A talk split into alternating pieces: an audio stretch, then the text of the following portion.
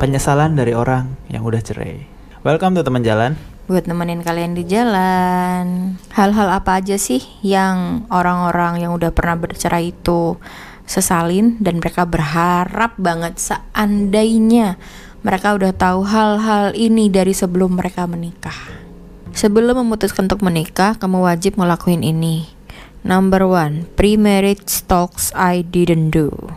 Sebelum nikah, aku nggak tahu kalau pre-marriage talks itu penting. Aku kira cinta itu bisa menyelesaikan semua masalah. Pre-marriage talk itu bukan soal resepsi, gedung, baju, MUA, dan lain-lain. Pre-marriage talk itu deep conversation antara kamu dan pasangan tentang banyak hal yang kira-kira mempengaruhi hidup sekarang dan di kemudian hari, kayak prinsip, impian, pandangan hidup, visi, dan lain-lain. Ini tuh penting banget dan harus dilakukan sebelum menikah. Intinya orang yang kamu nikah itu adalah orang yang kamu nyaman buat ngomongin apa pun sama dia. Kan nikah itu nggak cuma 1-2 tahun. Jadi bayangin aja kalau kamu harus hidup sama seseorang untuk selamanya, tapi kamu sendiri masih mikir sejuta kali kalau mau ngomong sama dia. Nyaman gak sih kayak gitu? Mari kita breakdown apa-apa aja yang perlu didiskusikan pada pre-marriage talk. Pertama, soal hidup dan prinsip. Aku ketawa sini sih kalau ada yang ngomong kalau perbedaan tuh bakal bikin kita saling melengkapi. Tapi itu bisa terjadi cuma kalau perbedaannya itu bukan di hal-hal yang prinsipal ya. Kayak misal e, beda makanan favorit, film, buku, atau beda karir. Kalau kayak gitu sih asal saling menghargai ya nggak akan ada masalah. Yang jadi problem kalau kalian berbeda dalam hal prinsipal, misal sama-sama muslim tapi kamunya moderate, masih pakai celana panjang, makeup dan suka traveling. Sedangkan si dianya lebih saklek, nganggap perempuan tuh nggak pantas pakai celana, haram pakai makeup dan nggak boleh traveling sendirian. Contoh lain, kamu suka kebebasan, tapi dianya posesif. Buat kamu privacy itu penting, sedangkan buat dia berarti ada yang ditutupin dong. Atau menurutmu perempuan dan laki-laki itu setara dalam pernikahan. Sedangkan dia tuh tipikal yang patriarki, nganggep perempuan itu makhluk rentan yang harus selalu dijaga, jadi mending di rumah aja dan nurutin keputusan suami aja. Perbedaan-perbedaan prinsipal seperti tadi bisa bikin kalian berantem dan tertekan loh. Jadi pastikan bahwa kalian udah sepemahaman untuk hal-hal yang prinsipal itu. Kedua, tentang visi dan impian. You deserve partner yang bisa mengimbangi kamu. Jadi tanya ke pasanganmu apa rencana dia lima tahun ke depan. Sesuai nggak sama harapan kamu? Hati-hati kalau ternyata justru malah terbalik dari harapan kamu atau kalaupun dia malah gak punya jawaban apa-apa. Kalau kamu tipe cewek yang ambisius, apa kamu mau settle down sama orang yang bahkan gak punya visi dan gak punya moto hidup, terus malah tinggal jalanin aja ikutin takdir? Kalau sekedar gak punya ambisi besar sih, mungkin gak terlalu masalah. Tapi gimana kalau dia malah gak punya visi atau rencana sama sekali? Don't get me wrong, bukannya kamu benar sedangkan dia nggak punya visi itu salah. Saat ini tuh kita lagi ngomongin pre-marriage talk yang tujuannya untuk menakar kesesuaian. Apakah kamu dan pasangan kompatibel untuk jadi suami istri atau enggak? Ketiga, soal anak. Ini penting banget. Sayangnya aku dulu nggak pernah bahas apa pun soal ini sebelum nikah. Aku emang gak suka anak-anak dari dulu dan gak pernah bayangin suatu hari bakal dipanggil mama sama balita yang hobinya tuh ngerusuh. Kamu perlu diskusiin ini, misal kamu gak pengen punya anak, tapi ternyata keluarga pasangan mewajibkan. Kalian harus minimal punya tiga penerus nama keluarga. Atau sebaliknya kamu pengen punya anak tapi dia ogah Terus diskusiin juga soal kelamin anaknya nanti. Apakah kalian gak mempermasalahkan jenis kelamin? Atau kakek neneknya ternyata pengen cucu dengan jenis kelamin tertentu? Terus gimana kalau kalian sama-sama pengen punya anak, tapi salah satu dari kalian mandul? Apa mau adopsi? Atau cerai? Atau nggak masalah nggak punya anak? Terus kalau adopsi mau tahu latar belakangnya, suku, agama, dan ras tertentu atau terserah? Gimana sama opsi bayi tabung atau donor sel, telur, atau donor sperma? Kalian juga perlu diskusi siapa yang nanti bakal ngasuh anak. Kayaknya sepele ya, tapi penting. Gambarannya tuh misalnya kamu kerja, dia kerja, terus kamu butuh me time, dia juga butuh me time. Kalian berdua butuh us time. Terus gimana sama anaknya? Mau pakai neni atau daycare? Siapa yang ngawasin neninya? Gimana kalau kamu harus resign demi ngurus anak atau dia yang mesti resign? Terus pola asuh untuk anak gimana? Rencana pendidikannya gimana? Apa pakai gaya otoriter, demokratis, atau permisif? Nanti sekolahnya mau ke negeri, swasta, pesantren, sekolah internasional, atau homeschooling? Terus gimana kalian akan mendukung anak waktu udah gede? Apa bakal dukung passionnya dia? Atau kalian udah punya track yang tinggal dipatuhi sama anak? Keempat, money talks. Ngobrolin soal keuangan ini sering masih dirasa tabu, padahal ada 28,2% perceraian tuh yang alasannya karena uang. Baik itu karena suaminya nggak ada penghasilan, penghasilan istri lebih gede, atau karena suami nggak bisa memenuhi kewajiban buat ngasih nafkah. Masalah keuangan ini krusial banget loh dalam pernikahan. Terus kalau kalian berdua sama-sama punya penghasilan, kalian wajib omongin gimana pengaturan tanggung jawab keuangannya. Siapa yang bakal bayar KPR? Berapa batasan budget? untuk bantu keluarga. Apa boleh punya tabungan pribadi? Berapa uang yang boleh dikeluarin tanpa harus diskusi berdua dulu? Gimana kalau salah satu kehilangan pekerjaan? Gimana kalau nanti kondisi keuangan udah mapan? Apa masih boleh kerja lagi? Gimana kalau kondisi keuangan memburuk? Apa siap nyesuaiin gaya hidup dan merencanakan biaya pernikahan dan membuat perjanjian pisah harta? Kelima, tentang perceraian. Di sini kamu bisa mendiskusikan boundaries, apa yang bisa dikompromikan, apa yang nggak bisa. Contoh, kamu nggak bisa toleransi kekerasan fisik, jadi kalau ada kekerasan fisik ya kalian bakal cerai. Atau partner kamu nggak toleransi perselingkuhan dan sebagainya apa pun deh yang bisa mengarah ke perceraian. Keenam, sex stuffs. Well, topik ini juga rasanya masih tabu juga ya. Tapi ini wajib banget sih buat diobrolin untuk ngasih tahu preferensi masing-masing. Apa kamu dan dia tipe yang konservatif, konservatif atau adventurous, aktif atau pasif, dominan atau submisif. Bukan apa-apa ya, kalau kalian berdua sama-sama pasif dan lebih suka jadi submisif, nanti bakal jadi nggak kompatibel. Itu dia 6 topik pre-marriage talks yang menurut aku penting. Meskipun pre-marriage talks nggak serta-merta menjamin kelanggengan sebuah pernikahan, tapi seenggaknya kalian bisa lebih ngerti satu sama lain. Kunci dari sebuah hubungan adalah komunikasi. Kamu dan dia hidup di dunia nyata, bukan pasangan di novel-novel yang bisa saling ngerti walaupun nggak ngomong apa-apa.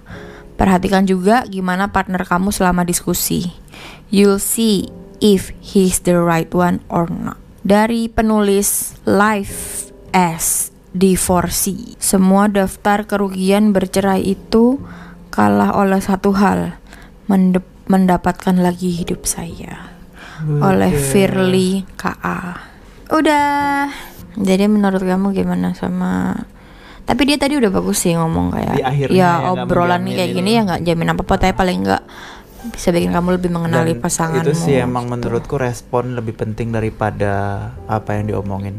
Respon dia saat beda pendapat, respon dia saat argumennya itu misalnya di apa? ditimpali kayak gitu-gitu kan. Itu yang paling penting sih daripada sekedar uh, ngelihat dia itu orang yang kayak gimana. Hmm. Kalau misalnya kamu gini, ada orang cowok misalnya kan biasanya sering kayak gitu kan, cowok debat sama cewek terus cowoknya tuh abis kata-katanya tuh ngomongnya kayak gitu langsung. Ya cewek selalu benar kayak gitu gitu kan. Hmm. iya deh cowok selalu salah cewek selalu benar ngomong kayak gitu tuh. Itu aslinya cowoknya itu kalah udah nggak bisa ngeluarin argumen lagi nggak bisa ngeluarin balesan buat cewek itu. Terus dia tuh nggak bisa ngelanjutin diskusi dan daripada dia bilang oh iya kamu benar juga ya aku salah berarti tadi misalnya kayak gitu dan mengambil itu sebagai satu ilmu baru misalnya tapi malah dia tuh ngomong kayak gitu. Sok-sokan kayak dia tuh cewek itu bener cuma gara-gara dia cewek. Bukan gara-gara emang yang diomongin tuh bener. Tapi bisa jadi dua arah juga sih. Belum tentu gara-gara dianya nggak bisa jawab. Tapi bisa jadi ya dia selalu jawab tapi ceweknya tuh selalu keras kepala. Selalu nggak mau masukin oh. apa yang cowok itu omong nggak mau ngeproses cowok ini ngomong apa. Bahkan nggak mau berusaha untuk me memahami cowok ini ngomong apa. Jadi kayak cowoknya mungkin capek juga. Jadi ya udah udah terserah kamu aja lah. Kamu yang selalu benar udah kayak gitu. Sekedar kayak eh capek lah kalau harus nerusin tapi nggak ada gunanya juga kayak gitu. Itu bisa bener sih kayak dua arah kan jadinya yang cewek itu bisa jadi emang nggak mau kalah walaupun emang yang argumen yang dikeluarin itu aslinya udah pernah terpatahkan gitu kan udah terpatahkan juga Mm, tapi ceweknya sekedar nggak mau acknowledge aja. Mm-mm. Soalnya emang ada tipe-tipe orang yang kita tahu kan, for sure, kalau dia nggak bisa sama sekali buat memahami orang lain. Dengar iya, eh, nggak Physically, nimpalin iya. denger. Pasangannya ngomong dibiarin, jadi nggak dipatahkan, nggak di nggak dijawab, nggak ya nggak dipotong kayak gitu. Tapi sebenarnya masuk kuping kanan keluar kuping kanan gitu loh, bahkan nggak sempet masuk lewat, ke lewat otak nggak proses itu enggak jadi misalnya si A ngomong ini tuh warnanya merah bla bla bla bla bla bla bla bla bla. Terus si B ngomong iya itu kan warnanya kan biru jadinya gini gini gini gini. Ah, terus ini tuh warnanya merah. Si A tuh kayak gitu. Dia tuh merah soalnya kan kita bandingin sama ini kalau ini kan biru jadi kalau itu tuh merah gitu. Si ceweknya tuh atau si cowoknya atau pokoknya salah satunya tuh malah jawab lagi nah itu kan biru ya. Jadi kalau ini kan udah nggak bisa didebat lagi kan biru kan. Jadi karena dia biru makanya kayak gitu. Jadi bahkan nggak mau acknowledging sama sekali pasangannya tuh ngomong apa bahkan. Nggak bukan bahkan nggak ngomong bukan merah ya ini bahkan udah nggak kayak bukan gitu. dalam bentuk sengaja juga. Iya, Itu tuh emang emang full of themselves aja gitu. Jadi pernah full of herself atau himself. Iya, udah nggak nggak kedengeran lagi suara dari luar tuh nggak kedengeran. Hmm. Makanya sebenarnya pre-marriage talk itu sebenarnya ya sama aja sama every other talk sih sebenarnya ya. Cuma kayak ngetes eh, kemampuan kalian talking tuh kayak gimana sih atau discussing kayak gitu. Cuma bedanya di pre-marriage talk sih lebih ke ngasih hubungan ada sama marriage-nya, yang beneran iya. berhubungan sama marriage-nya. Tapi kayak bayangin kalau kalian itu cuma diskusi ngomongin beli sofa atau enggak kayak gitu kan. Dan dari ngomongin beli sofa atau enggak, beli sofa yang mana, yang harganya berapa, yang bentuknya kayak gimana, itu aja menurutku udah udah cukup untuk menggambarkan pola pikir orang misalnya kayak gitu. Jadinya lebih eh, apa pun obrolannya emang harus diobrolin lebih sering aja, lebih sering ngobrol. Jadinya lebih tahu kalau respon itu lebih penting daripada cara ngerespon itu lebih penting daripada isi responnya itu sendiri. Kayak misalnya ya kayak tadi kamu bilang belum sempat masuk kuping gitu kan. Itu sebenarnya bisa diketahui dari ngobrol biasa, bukan ngobrol hal-hal yang Mm, penting. kayak perlu gitu. sampai ke yang Mm. pre-marriage pun tuh juga bisa diketahui Walaupun emang mungkin pre-marriage itu juga tetap harus dilakuin ya orang apa susahnya sih ngomongin hal-hal kayak gitu Iya tinggal masukin kayak topiknya gitu aja Iya. kan. Tapi misalnya kamu tuh kayak masih first date atau apa kan nggak bakal ngomongin hal kayak gini kan. Enggak sih. Nah, jadi ngomongin hal-hal yang biasa aja terus kamu ngelihat responnya kayak gimana kalau kayaknya kamu ngomong sama cowok terus cowoknya tuh kayak mansplaining kayak gitu kan juga males nggak sih? Kayak ya kan kayak gini-gini misalnya nonton Marvel itu tadi tuh karakternya kayak gini kayak gini-gini tuh kenapa sih kayak gitu? Nggak jelas banget. Kamu sih nggak nonton dari awal. Dari awal tuh udah dijelasin tahu kalau di film yang sebelumnya kalau dia tuh kayak gini kayak gini kayak gini. Kamu tuh kenapa sih kayak gitu nih? Kayak direndahkan kayak gitu juga kan kita bisa tahu kayak responnya tuh oh jadi dia tuh eh, nganggep aku tuh kayak apa kalau ng- ngobrol tuh suka degenerate orang kayak gitu itu juga penting Tapi aku nggak tahu juga sih soalnya kenyataannya di dunia nyata tuh banyak banget orang-orang yang apa ya sengaja nge-mute gitu. Yang penting ini ada cowok mau nikahin aku ya udah kayak gitu. iya itu juga Cowok-cowok juga yang penting ini ada cewek nih mau ngerawat ibuku sama anakku nanti ya udah kayak gitu. Mm-mm. bahkan nggak peduli lagi sama jangankan soal primary stock ya sama apa pun kayaknya tuh gak ada urusan. Kayak bodoh amat dia mau tinggi pendek. Mau punya anak mau atau enggak. iya. Itu kan kayak nggak penting. Yang penting tuh nanti udah nikah dipaksa kayak gitu kan. Iya. Mm. banyak sih yang kayak gitu. Ngomongnya dari awal sebelum nikah nggak bakal selingkuh kayak gitu kan. Ternyata udah kebiasaan dari sebelum ya nikah siapa orang yang mau ngomong dari awal nikah aku nanti selingkuh ya kayak gitu. Bener juga. Dodol. Ya kayak gitulah maksudnya kayak eh, nggak jelas sih. Emang orang mulut juga kadang-kadang nggak bisa nggak bisa sesuai sama kenyataannya. Dan mayoritas orang ya mulut sama kenyataannya kan beda. Kita ngejalanin pre-marriage talk nggak sih? Ingatmu gimana? Maksudnya ingatku enggak soalnya?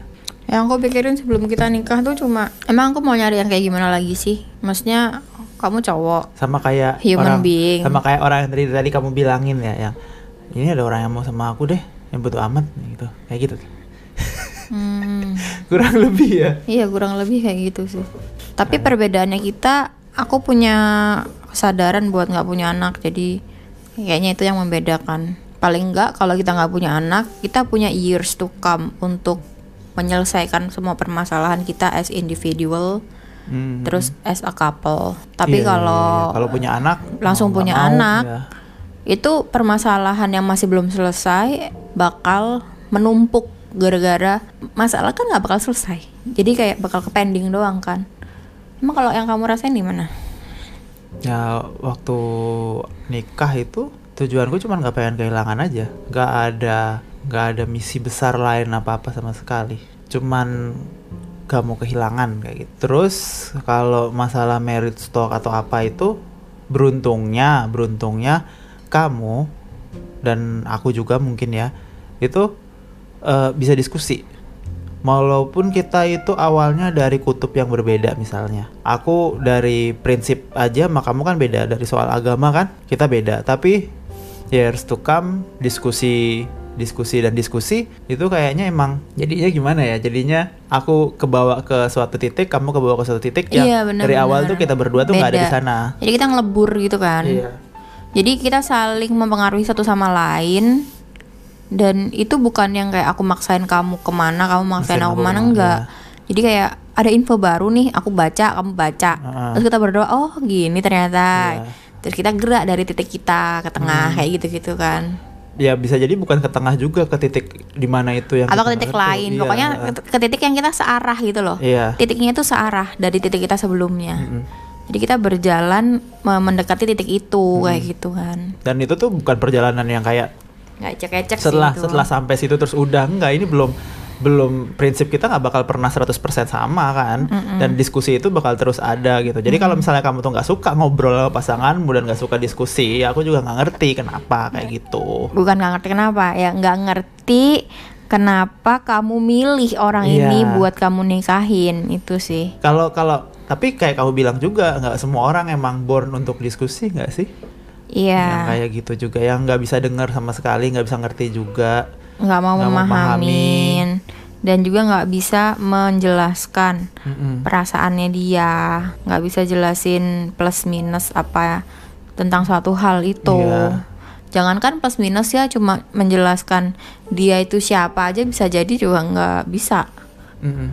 ada orang-orang yang nggak bisa nggak artikulat itu gitu dan ada rasa malu juga sih kadang-kadang untuk mengakui sesuatu yang kamu aslinya tahu juga untuk apa itu rasanya dan cuma ngomongin salah doang gitu kayak gitu ya. misalnya.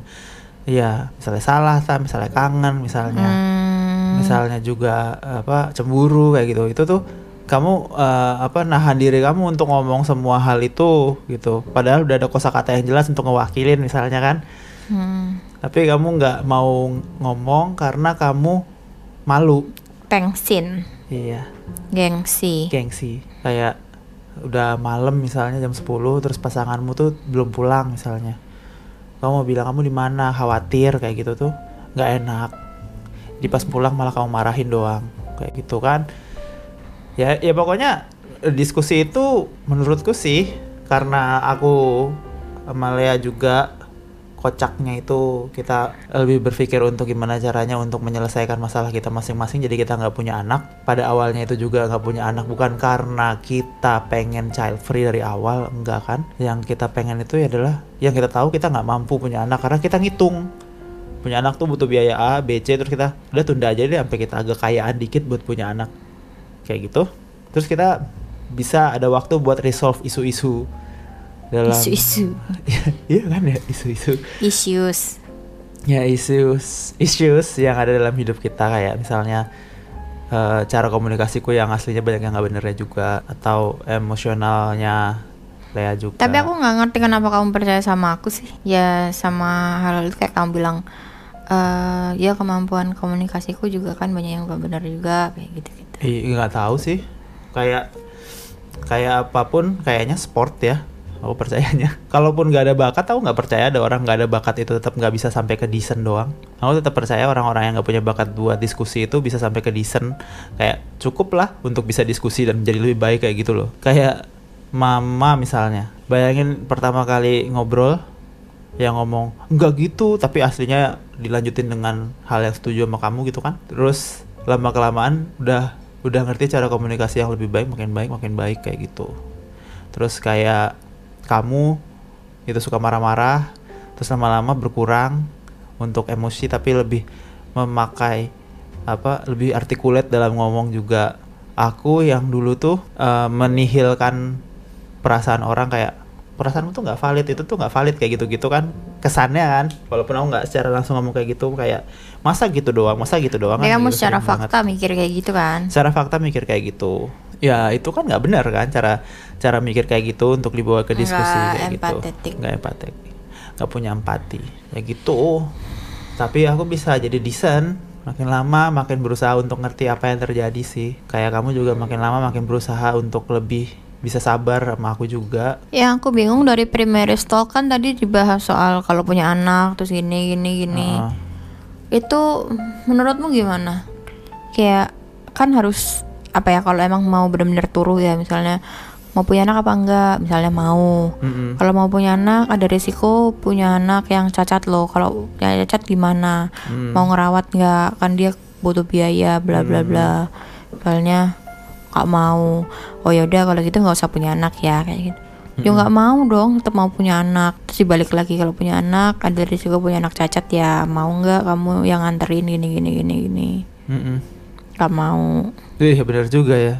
Kalau ada orang kayak gitu terus gimana? Harusnya pertanyaan lanjutannya ya tuh. maunya punya anak normal Maunya- misalnya gitu. Terus gimana cara kamu ngejamin punya anak normal? Ya berdoa kayak gitu-gitu kan. Nah kalau udah masuk ke prinsipal kayak gitu tuh, yang masalah doa-doa dan kayak gitu-gitu kan, terus kita itu juga ada rezekinya nanti gitu misalnya Oh. lagi ngomongin pendidikan anak oh sekarang biaya masuk segini segini segini Hmm. berarti tiap bulan kamu harus nabung segini ya kan kamu pengennya aku jadi ibu rumah tangga misalnya kayak gitu Iya, iya. Jadi kamu harus nabung segini dan nabung segininya tuh kurang lebih 70% kemungkinan kan Iya. karena untuk misalnya dia pengen punya tiga anak misalnya kayak gitu Buset, ya. berarti harus bayarkan TK SD SMP SMA kuliah kayak gitu itu pun tabungan nggak nyampe kuliah karena kuliah dianggapannya semoga mereka pintar terus beasiswa kayak gitu itu pun tabungannya udah 70% kamu siap nggak dari pertama nikah sama aku bulan pertama langsung kamu nabung 70% untuk biaya anak kita itu bukan termasuk biaya hidup kita berdua. Iya, biaya hidupnya dari 30-nya itu. Hmm. Terus dia jawab, "Yo, kalau cuma segitu ya mana bisa." Iya. Loh, ya tapi kan emang itu biayanya. Udahlah, nggak usah dipikir-pikir, semua anak tuh ada rezekinya. Nah, kalau udah kayak gitu tuh gimana gitu. Asal asal tetap percaya semua anak punya rezekinya, dua pihak itu percaya per- punya anak itu ada rezekinya, menurutku ya lanjutin aja sih, Cim. Entah itu dooms, entah itu greatness yang ada di depan sana, tapi bagi dua orang itu itu adalah takdir mereka gitu kan. Aku sih kira gitu. Jadi terus apa gunanya pre-marriage stock? Pre-marriage kayak stock gitu? itu ya kalau misalnya kamu tuh sama pasanganmu itu eh, ngobrolnya tuh nyambung. Itu menurutku yang paling penting daripada apa yang diomongin lebih baik ke Tapi kalau misalnya gini kayak tadi kan suami istri tuh, Ha-ha. kamu harus nabung sekian. Oh nanti tiap mana ada rezekinya. Ha-ha. Si istrinya tuh sebenarnya nggak percaya, Ha-ha. tapi dia Islami. Tapi dia nggak yang- mau di, dibilang tapi dia percaya Islami, Tuhan gitu dia Islami Ha-ha. yang dia tuh percaya bahwa istri itu harus nurut sama suami kan. Iya. Dia percaya sama itu. Ha-ha. Akhirnya suaminya ngomong ada rezekinya, Nah, dia ya nurut aja. Nurut aja. Tapi di kepala sebenarnya dia nggak percaya gitu loh. Padahal masih pre-marriage Karena ya. logikanya kan nggak sesuai. Tapi kamu nggak bisa untuk satu sisi kamu tuh logikanya nggak sesuai. Terus kamu bilang satu sisi lagi tuh kamu tuh agamis. Iya, tapi ada temanku yang kayak gitu. Dia sebenarnya agamis juga enggak, cuma dia ada hal-hal yang dia percayai. Salah satunya ya percaya sama suami Itu tadi, nurut paling- sama suami. Paling penting emang kalau kamu tuh kafah deh dalam Kayak dia tuh misalnya ada apa-apa gitu ya, harus izin suami kalau mau ke mana-mana kayak gitu Iya, kan. iya. Terus ada masa-masa kan dia ah suamiku nggak ngebolehin bodoh amat aku berangkat aja eh pas berangkat tuh ada aja masalahnya misalnya apa atau bannya bocor lah atau apalah. Terus dia kayak aduh nih pasti gara-gara aku nggak izin suamiku nih kayak gitu. Jadinya kayak nyari-nyari kayak gitu loh. Sedangkan kalau menurut aku pribadi tuh kayak "Ih, itu mah kamu nyari-nyari aja. Seolah-olah kayak biar membenarkan kepercayaanmu. Padahal tuh ya namanya ban bocor atau apa kan ya bisa terjadi kapan aja kan kayak gitu loh. Tapi dia tuh ngerasa ini pasti gara-gara aku nggak nurut suamiku gitu Nah, yang orang-orang kayak gitu kan conflicted. Maksudku kalau memang percaya ya percaya, kalau enggak ya enggak kayak gitu loh. Menurutku juga kayak gitu sih. Percaya percaya kalau enggak ya enggak. Terus kalau satu orang percaya satu orang enggak, ya mungkin emang mereka nggak bound to be together aslinya kayak gitu ya Iya, itu mungkin yang tapi kita nggak nggak kayak nggak bisa se gitu. kita nggak bisa semudah itu sih ngomong kayak kamu Ah, cerai aja kayak mungkin gitu kan. emang emang butuh waktu juga untuk sampai ke titik di mana mereka berdua tuh bisa ketemu satu titik misalnya kayak iya emang rezeki ada yang ngatur misalnya ya tapi usaha itu nggak boleh setengah-setengah kayak gitu Hmm. atau em, ya pokoknya ya rezeki itu ada yang ngatur tapi kita tetap harus jemput ya Iya, gitu ya Jadi kepercayaannya tuh geser dari dia itu percaya rezeki itu full pasti datang bulat tanpa harus dia usaha berubah jadi Hmm. harus berusaha sekuat tenaga sampai titik darah penghabisan gimana caranya untuk memenuhi buat, buat jemput rezeki kayak Hmm. gitu. Titik-titiknya sih di mana di mana kamu ketemunya aja. Problemnya tuh kalau satu sisi itu nggak ada yang mau gerak dari situ. Dan cara nanggepin diskusinya itu masih kekanak-kanakan kayak semua yang diomongin tuh udah 100% pasti nggak bakal pernah berubah. Itu aja sih. Jadi ya menurutku sih yang terpenting dari pre-marriage talks itu adalah pre-marriage itu sepanjang dari mulai awal kamu hari H jadian Mhm. sampai seterusnya sampai kamu sudah menikah bahkan setelah menikah nggak sih? Iya itu. Jadi maksudnya pre-marriage talk tuh bukan sesuatu yang kamu kita kamu nggak jadi istriku gitu. Kayak udah fix jadi istri terus ayo kita sekarang ngomongin pre-marriage talks Iya, ya. Benar, jadi nggak nggak bisa kayak gitu. tapi emang mungkin orang pengennya instan ya. Kayak nggak pengen gitu ada diskusinya dulu nggak Iya. ngobrol kayak nggak gitu. pengen ada ngobrol pokoknya eh, jawaban para tetangga yang nanya kapan nikah Iya, ini udah kejawab ya kayak gitu. orang-orang juga aku bingung. Kap, aku bosan ditanya-tanya kapan makan kapan makan oh, itu langsung nikahin aja sih kayak gitu Hmm. kan misalnya orang-orang ngomong kayak gitu. Padahal pertanyaan kapan makan kapan udah mandi belum udah makan belum itu itu menurutku pertanyaan-pertanyaan yang bisa leading sih. Untuk nunjukin ke nunjukin kamu dia tuh tipe orang yang kayak gimana terus kemampuan komunikasi kalian kayak gimana terus dia care atau enggak kayak gitu gitu kan juga. Ya buka pakai kata yang lain dong. Kan dia udah buka dengan nanya udah makan apa belum kayak gitu. terus kamu jawab dan bisa obrolin pokoknya sampai kalian tuh aku tadi bingung kamu ngomong kapan makan kapan, Kapan makan, makan, bener juga. Lalu aku agak aku aku "Nah, soalnya ini nggak nanya apa sih soalnya aku kapan nggak makan? soalnya nggak pernah ngalamin kayak gitu. Aku nggak pernah nanya nanya Lea kapan kapan makan kapan makan atau apa udah makan belum? Enggak nggak pernah nanya sama sekali. Soalnya aku tahu dia pasti udah makan. Aku agak bingung sih. Jadi aku nggak pernah nanya kamu. Kamu mau nanya aku nggak sih udah makan apa belum? Gak lah ngapain? Makanya. Tapi bener juga Kata ya. dulu masa-masa SMS-an SMS-an apa sih? Cerita lagi ngapain ini nih kayak gini gini gini masa nggak bener banget nih ibu masa kayak gini kayak gitu gitu kan Aku paling seneng kalau udah dengar cerita misalnya kamu habis pulang dari Tangerang gitu kan. ceritain Terus dari kan- awal sampai Dari habis awal titik kamu dijemput di bandara. Iya. Itu kayak gimana? Terus kamu inget, inget, aduh aku lupa ngapain ya ngobrol apa ya gitu. Ingat-ingat semuanya pokoknya harus ya gitu. Karena- Seneng banget kamu ceritain kayak gitu. kamu selalu kayak gitu aku juga berusaha inget-inget masa tapi benar-benar ya aku kalau kamu tanya kayak gitu ya aku ceritain tuh paling 15 menit padahal kan aku iya, padahal satu sana minggu. seminggu. Heeh, banyak yang kamu lupa. Soalnya Iya, kadang nggak penting atau ya. Iya, harusnya direkam. jadiin podcast di post Padahal tuh kita kayak bareng tuh terus-terusan kan kayak 24 jam kayak Iya. gitu tapi tetap nggak pengen lose every second Hmm, gitu loh. tapi apa emang ya kayak- pengen tahu kamu ngapain aja kayak gitu loh. Kayak apa yang seru, apa yang life changing situation atau apa. dari oh iya sih aku mau bilang nggak ada lah life changing situation di hidup ini Apa sih? lucu sih tapi tapi gimana aku nggak pernah kayaknya nanya kamu kayak gitu waktu kamu ke Jogja bareng keluargamu Jo gimana ceritanya kayak gini kayak gitu Ya kok kamu mah nggak kepo nggak peduli. Bukan nggak peduli aku peduli banget Tapi nggak peduli. Gak kepo aja kayak Oh. gitu asal lihat kamu sehat lihat kamu senang udah cukup buat apa nggak perlu tahu Nggak peduli sama keluargaku. Enggak sama sekali Astagfirullahaladzim. tapi emang menurutku ngobrol itu ya nggak penting yang diobrolin tapi yang penting itu emang cara kamu nanggepinnya sih kayak misalnya tiba-tiba gak boleh pokoknya harus sesuai sama keinginanku. Kita pernah nggak sih kayak gitu? nggak nggak pernah. Tapi aku tahu temenmu yang kayak gitu. Temanku lah ya. Sekali-sekali tuh kamu bawa temanmu ke sini buat ngomongin kayak gitu ya, soal psikologis temenku nggak ada yang anak-anak pokoknya gitu Jim nggak tahu sih aku nggak deket mungkin sama anak-anak yang pokoknya. Hmm, kamu punya teman emang? Punya. Beneran? Mereka anggap kamu teman iya. Oh ya udah kirain kayak sekedar Bubar. ketemu di parkiran gitu Ping. kan oh itu sahabatku terus ketemu di pos satpam itu satpam satpam itu kok kamu bilang teman semua jangan-jangan Iya emang kan satpam satu, satpam dua, sama satpam empat emang kamu bisa bedain yang satu dua tiga empat nggak bisa. Tergantung posisi mereka ada jaganya di mana. Yang paling depan itu satpam satu, satpam dua, yang di gerbang kedua satpam sat- tiga, satpam empat.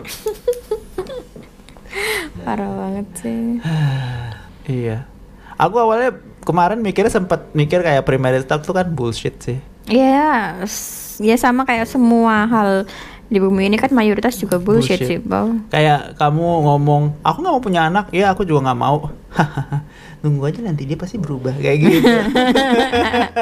atau nggak usah nyuruh berubah Ya, tinggal nggak usah minum pil KB-nya kayak, iya, gitu. kayak kayak cowok misalnya eh kamu ka- apa agamis misalnya kayak gitu kan akhirnya nanti setelah nikah kita akan sholat aku akan sholat terus sampai kita menikah nanti hahaha kayak gitu juga kan bisa jadi kita kan orang-orang mah di dunia ini di Indonesia apalagi ya kayak kamu bilang itu berusaha gimana caranya menjebak seseorang untuk menikahi kayak gitu Ya, yang penting mau aja. Hmm. Makanya sebenarnya temenku ada yang nikah itu sama cewek yang the woman of his dream kayak gitu Iya. kan. Pokoknya bukan dream yang kayak bikin dia jatuh cinta apa atau apa, tapi kayak ngasih checklist kan. Ah, Dia ini sebagai cowok, pertama dia eh, nggak bisa ngasih uang. ah, Yang kedua ceweknya nggak boleh kerja. ah, Yang ketiga cewek itu harus jagain ibunya. ah, Yang keempat cewek itu harus ngasih anak. iya Yang kelima, eh cowok ini nggak boleh dituntut untuk kerja lebih keras dari yang sebelumnya, iya karena dia udah punya work life balance kayak gitu. Mm-mm. Dan ternyata ada cewek yang nyangkut gitu loh. Jadi kayak tunggu tuh true nggak sih? Kayak ada ternyata cewek yang nggak yang seenggak nuntut itu. selfless itu Iya, dia mau nggak dapat uang bulanan karena suaminya masih ada utang, masih ada cicilan. Terus terus dia juga mau untuk melakukan semua pekerjaan sebagai seorang istri tanpa bayaran. Bayangin coba. Kalau cewek-cewek di luaran sana kan ya paling nggak harus ada uang bulanan nggak sih? Kayak untuk reward si Bener, bener, istrinya bener. kayak gitu loh. Entah mau buat apa pun dia bomet ya kan kayak mau buat skincare, make up atau sekedar mau ditabung buat istrinya sendiri atau beli emas kayak gitu-gitu. Tapi cewek ini mau kayak wow gitu nggak sih? Akhirnya temanku tuh langsung kayak wah ini dapat ikan emas nih, gitu, langsung ditarik kan pancingannya. Kalau Wuh. kalau ikan emas tuh aslinya adalah ikan biasa aja. aku nggak tahu. Maksudku tuh ikan yang terbuat dari emas gitu loh. gitu. Jadi kayak siripnya tuh emas, maksudku gitu.